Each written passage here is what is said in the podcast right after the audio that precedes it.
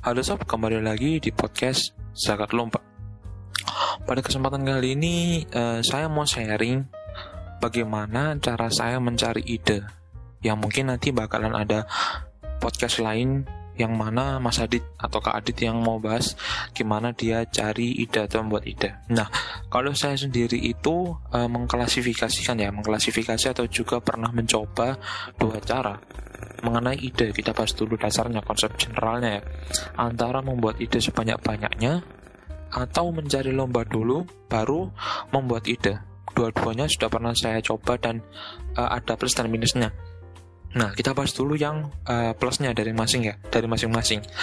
Buat ide sebanyak-banyaknya ini enaknya apa? Waktunya lebih luas dan sobat istrinya bisa eksplor lebih banyak, lebih mematangkan idenya sobat bahkan hingga hasil dan pembahasannya. Tapi minusnya apa? Ya minusnya nanti ketika idenya sobat ternyata eh, nggak uh, ada lomba yang cocok.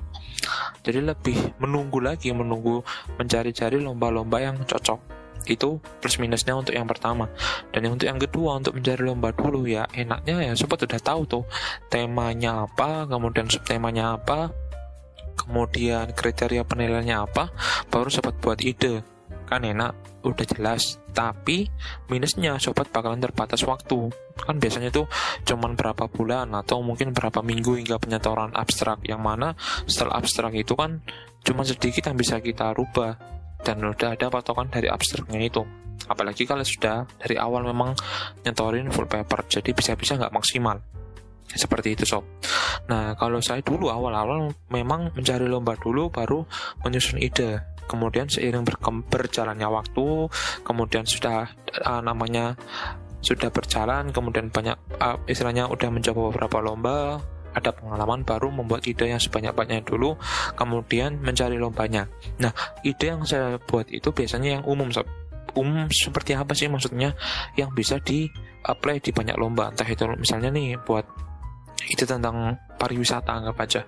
Kan itu kan fokusnya ke pariwisata. Misalnya ada lomba yang nggak ada tema pariwisatanya namun ada lomba, uh, tema ekonomi. Nah saya tinggal rubah sudut pandang idenya itu proposalnya itu ke sudut pandang ekonomi. Nah, kemudian ketika ada lomba lagi yang berhubungan dengan teknologi, saya inputkan unsur teknologi, IoT, seperti A, kemudian AI, dan sebagainya.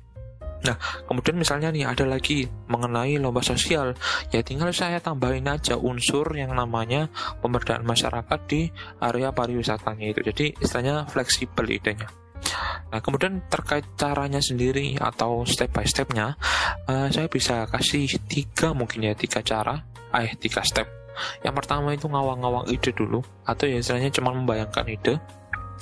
Caranya gimana? Dengan sering membaca dan berdiskusi membacanya apa? Membacanya bisa jurnal kemudian berita kemudian koran atau bahkan membaca eh, judul-judul.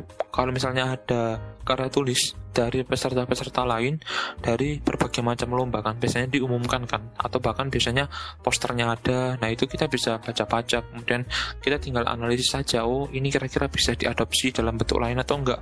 Atau kita bisa perbaiki dan tambahin input dalam bentuk lain atau enggak? Nah itu kan bisa tuh. Nah dari situlah akhirnya bisa mengawang-awang ide jangan lupa juga untuk mencatatnya misalnya sudah dapat nih oh masalahnya ini. Oh berarti kayaknya ini perlu penyelesaian ini nih. Oh idenya kayak gini sih. Nah jangan lupa juga konfirmasi sob. Apakah ide yang sobat udah ngawang-ngawang tadi itu udah ada di internet atau sudah ada sebelumnya atau enggak? Nah kalau misalnya udah ada jangan berkecil hati. Sobat bisa mengembangkan. Jadi ya istilahnya banyak cara lah untuk membuat ide seperti itu. Nah setelahnya baru merumuskan ide di sini posisinya sobat masih sendirian ya maksudnya masih solo player lah istilahnya itu udah ketemu ide kemudian sobat buat latar belakangnya silahkan riset latar belakang yang bagus kemudian membuat tujuan dari idenya itu manfaatnya apa kemudian sobat tinggal mikirin metodenya bagaimana cara uh, menyelesaikan masalahnya bagaimana cara uh, menciptakan solusi dari permasalahannya itu Nah, kemudian nulis hasil yang diharapkan. Ingat, hasil yang diharapkan, bukan hasil yang sesungguhnya. Nah, baru untuk mewujudkan ide itu, sobat baru mencari tim. Sobat bisa mengajak teman atau malah teman terdekat maksudnya masih dalam satu fakultas atau bisa juga dengan mengajak dari fakultas lain agar bisa berkolaborasi. Jadi idenya lebih variatif entah misalnya nih sobat seperti saya misalnya dari pertanian idenya tentang pertanian kemudian mencari teman teman kelompok rekan kelompok dari fakultas lain contohnya fakultas teknik. Kita saling berkolaborasi untuk mewujudkan ide tersebut. Nah baru dari situ udah terbentuk tuh latar belakang dan segala macamnya hingga pembahasan baru diapply ke lomba. Nah ini kan nggak mungkin kan ketika sobat itu ya mungkin kalau eh, sobat udah pro kemudian cepet tanggap dalam merumuskan ide ya bisa sobat mencari lombanya dulu baru membuat idenya. Tapi ya alangkah lebih baik eh, mengawang-awang untuk menuliskan hingga men memiliki bank ide terlebih dahulu baru mencari lombanya. Jadi tinggal apply apply apply apply. Gitu sob. Ya mungkin sekian. Segitu aja sharing dari saya. Sampai jumpa di podcast selanjutnya. Terima kasih